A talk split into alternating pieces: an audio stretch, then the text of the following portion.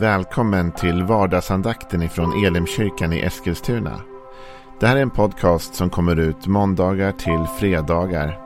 Om du vill veta mer om vilka vi är, vad vi tror på, hur du kan komma i kontakt med oss eller vad vi kan erbjuda dig för någonting så gå in på www.elimkyrkan.com.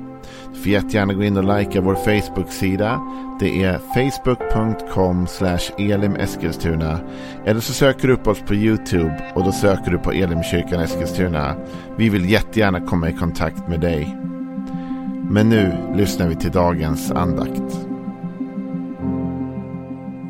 Välkommen till eh, vardagsandakten. Vi avslutar den här veckan som vi har ägnat åt välsignelsen. Vi har ägnat faktiskt flera veckor åt välsignelsen. Och nu ska vi väl avrunda det lite grann. Men jag tänkte ta mitt eh, utgångsläge i ett samtal.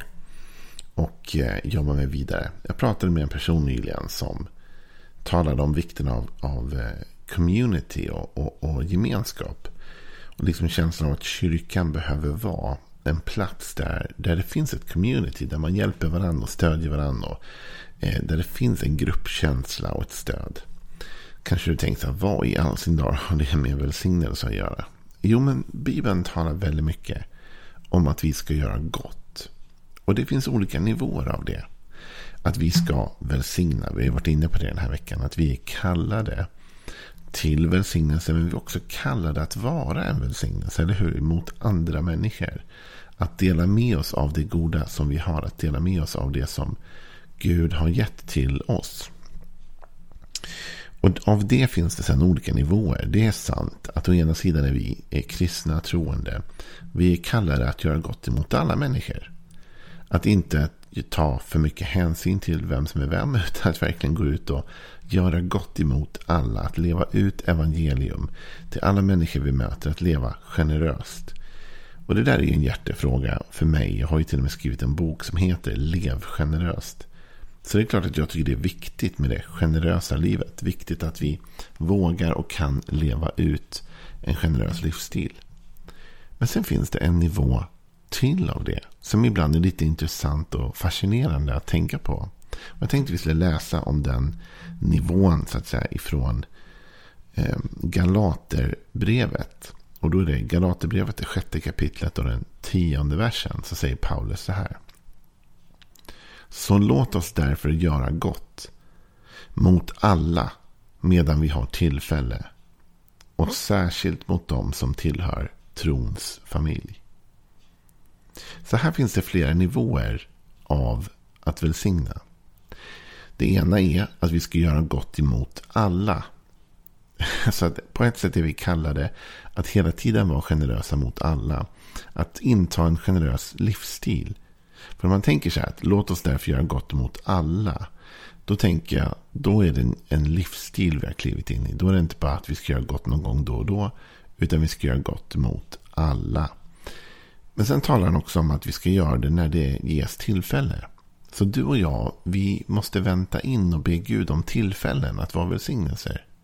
Men jag är övertygad om att om du och jag vaknar varje dag och antar den här inställningen att idag Gud vill jag vara en välsignelse. Jag vill välsigna någon, jag vill göra något gott för någon, jag vill bidra positivt i världen. Om du och jag tar den inställningen, då är jag övertygad om att Gud kommer ge oss tillfällen. Men sen handlar det om såklart att när tillfället uppenbarar sig och visar sig, då är vi redo att verkligen välsigna. Vi är liksom förberedda på att tillfället ska ges. Så att vi kan vara med och göra gott när det ges ett tillfälle. Men så säger Paulus här. Att vi ska göra gott mot alla människor medan vi har tillfälle. Alltså med andra ord när chansen finns och möjligheten ges.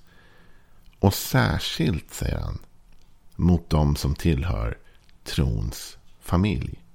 Med andra ord, Paulus gör faktiskt en liten nivåskillnad här. Han säger, han säger inte att vi bara ska göra gott emot dem som tror. Det är viktigt att markera. Det är inte det Paulus säger. För Paulus börjar med att säga att vi ska göra gott emot alla. Eller hur? Vi ska göra gott emot alla som vi har eller får tillfälle att göra gott emot. Men vi ska särskilt göra gott. Särskilt göra gott emot dem som tillhör trons familj. Det ska alltså finnas en, en ökad nivå av skyldighet gentemot dem som delar den tro som vi har. Gentemot vår egen trons familj. Och det där tycker jag är intressant. Att liksom känna att det finns ett community här. Som den här personen jag pratade med som sa att den tyckte det kändes viktigt att det fanns ett community. Som att vi tog hand om varandra. Att det fanns en grupptillhörighet, en gemenskap, en omsorg. Va? Och det tänker jag, du och jag, vi är faktiskt skyldiga att dels göra gott emot alla människor i den mån det ges tillfälle och vi har möjlighet. Men vi har ännu mer skyldighet gentemot dem som vi faktiskt delar vår tro med. Det innebär att om någon av våra trossyskon, någon av dem som tillhör vår familj, vår andliga familj, vår kyrkofamilj, vår gemenskap, ber om hjälp, då är vi ännu mer skyldiga att faktiskt kliva in och hjälpa. Det finns en andlig skyldighet att göra gott mot de som är vår egen familj, vårt eget goda. Jag tänkte vi skulle läsa om det. Det finns ett väldigt bra bibliskt exempel av det. Det är ju så att ganska tidigt i kyrkans historia, i, i den kristna församlingens historia, så stöter man på utmaningar och problem. Det var inte något som bara vi har nu, utan det fanns från start så att det dök upp problem och förföljelse och svårigheter. Och en av de församlingar som drabbas ganska hårt i början är församlingen i Jerusalem. På grund av förföljelse, på grund av andra saker så hamnar de ganska snabbt i ekonomiska bekymmer. Och Paulus, han känner med dem. Så Paulus som är ute och reser mycket och som har kontakt med många olika kyrkor, både brevvägsmässigt men också genom att han åker och besöker. Han tar på sig, han har fått ett uppdrag att börja med en insamling till dem i Jerusalem. Så han åker runt och försöker organisera så att man ska samla in pengar så att man kan hjälpa församlingen i Jerusalem. Det finns en solidaritet här. Och den här solidariteten är väldigt viktig. Och, och den är intressant i det här fallet därför att den handlar inte här bara om en, en lokal församling. Det är ju viktigt. Det vill säga att man stödjer sin lokala församling och man stödjer människorna i sin lokala församling och man försöker göra gott mot alla i Eskilstuna. Men man gör ännu lite mer gott emot de som också är medlemmar i den församling som man tillhör till exempel. Men i det här fallet så handlar det inte bara om den lokala församlingen. I det här fallet handlar det om att församlingar hjälper församlingar. Här handlar det om att församlingar gick in och hjälpte församlingar i andra städer som hade det svårt. Att man delade med sig av det som var trons familj. Och trons familj är ju bra mycket större än bara såklart en lokal församling. Det skulle vara som att vi i Elimkyrkan fick veta att i en församling i någon annan stad i Sverige har man så stora problem att vi måste hjälpa dem. Vi måste samla in pengar till dem eller stödja dem på något sätt. Då är det egentligen något väldigt nobelt och något fint. Och någonting som Bibeln faktiskt till och med talar om som en skyldighet. Vi är skyldiga att göra gott emot de som delar trons familj med oss. Och då tänker man så här, men jag har inget att bidra med. Eller vad kan jag välsigna med? Jag har ju ingenting. Eller jag, är väldigt, jag har liksom inte så mycket att komma med. Men då kommer det här exemplet jag vill dela med dig. För i den här insamlingen som Paulus påbörjar. Så lyfter han fram ett exempel på en församling som han tycker har gjort mer än vad man kunde begära. Trots att de inte hade det så lätt. Vi läser om dem. Man kan läsa i andra Korinthierbrevet, åttonde kapitlet och vers 1 fram. Vi vill berätta för er bröder vilken nåd Gud har gett församlingarna i Makedonien. Trots deras många hårda prövningar har ändå deras översvallande glädje, deras djupa fattigdom gjort dem överflödande rika på uppriktig hängivenhet. De har gett efter sin förmåga, ja över sin förmåga. Och det var helt frivilligt, det kan jag intyga. Ivrigt vädjade de och bad oss om nåden att få vara med i hjälpen till de heliga. Och de gav inte bara det vi hade hoppats, utan de gav sig själva. Först och främst åt Herren och sedan oss, åt oss efter Guds vilja.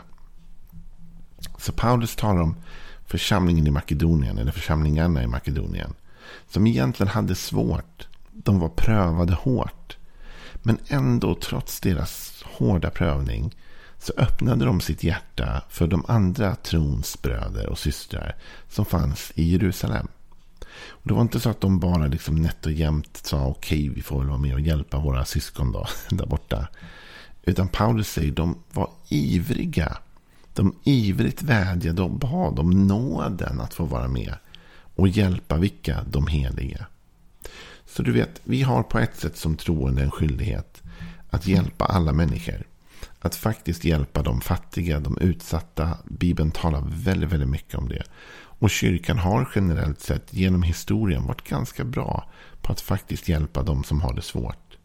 Men Bibeln säger också att vi har en särskild skyldighet att ta hand om dem som tillhör vår egen familj, trons familj. Och det är klart, så tänker vi som människor överlag, eller hur?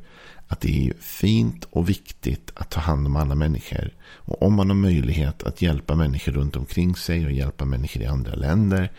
Men att inte försaka sin egen familj såklart. Utan att först och främst ta hand om sin familj. Och sen också ta hand om sin granne, sina vänner, sin, sitt samhälle, sin värld.